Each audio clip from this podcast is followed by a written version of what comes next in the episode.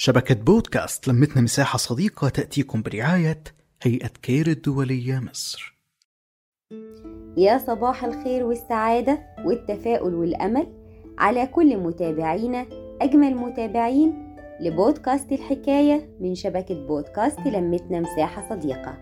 يسعدنا نكون معاكم النهاردة وحلقة متميزة من حلقاتنا الصباحية الخفيفة وموضوعنا عن التواصل الجيد.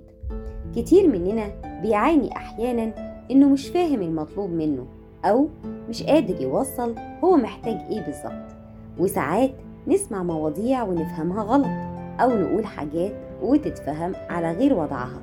وعشان كده لازم نفهم كويس إن التواصل الجيد الفعال هو الفعل اللي يحقق أقصى درجات التواصل باستثمار كافة إمكانيات الإلقاء والتلقي.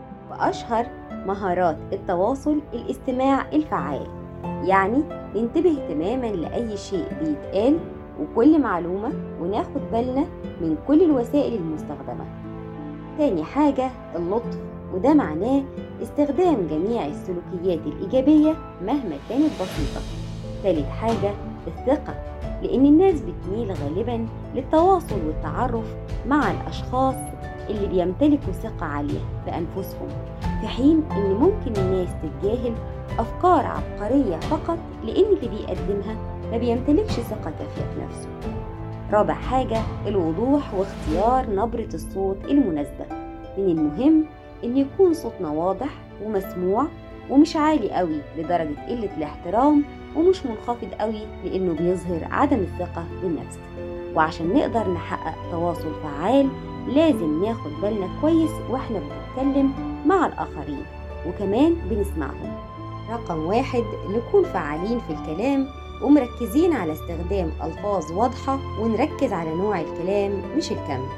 رقم اتنين استبدال أي كلام متكرر بكلام مناسب مش حشو وخلاص عشان الناس تفهمنا بسرعة.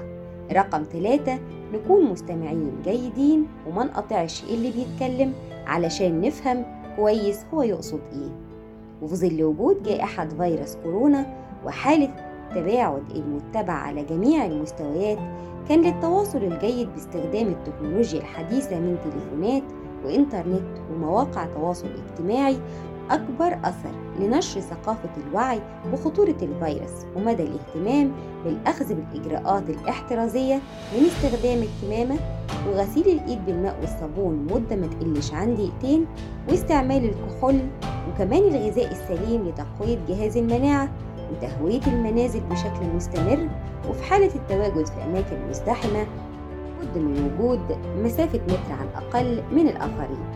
كل ده تم نشره من خلال التواصل الجيد باستخدام التكنولوجيا الحديثة وكمان التوعية بأهمية اللقاح لأنه آمن وفعال ولازم الكل ياخد اللقاح. وزيادة الوعي في كافة المستويات الاجتماعية والاقتصادية والطبية والإنسانية. وفي النهاية التواصل الجيد في حياتنا اليومية بيسهل علينا طرح آرائنا وضمان إن الآخرين تفهمنا.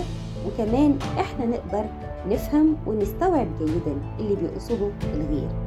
شكرا إنكم كنتم معانا متابعين لينا ومستمعين متميزين دايما من شبكة بودكاست لمتنا مساحة صديقة وبودكاست الحكاية بنتمنى ليكم دوام الصحة والعافية وكل الحب.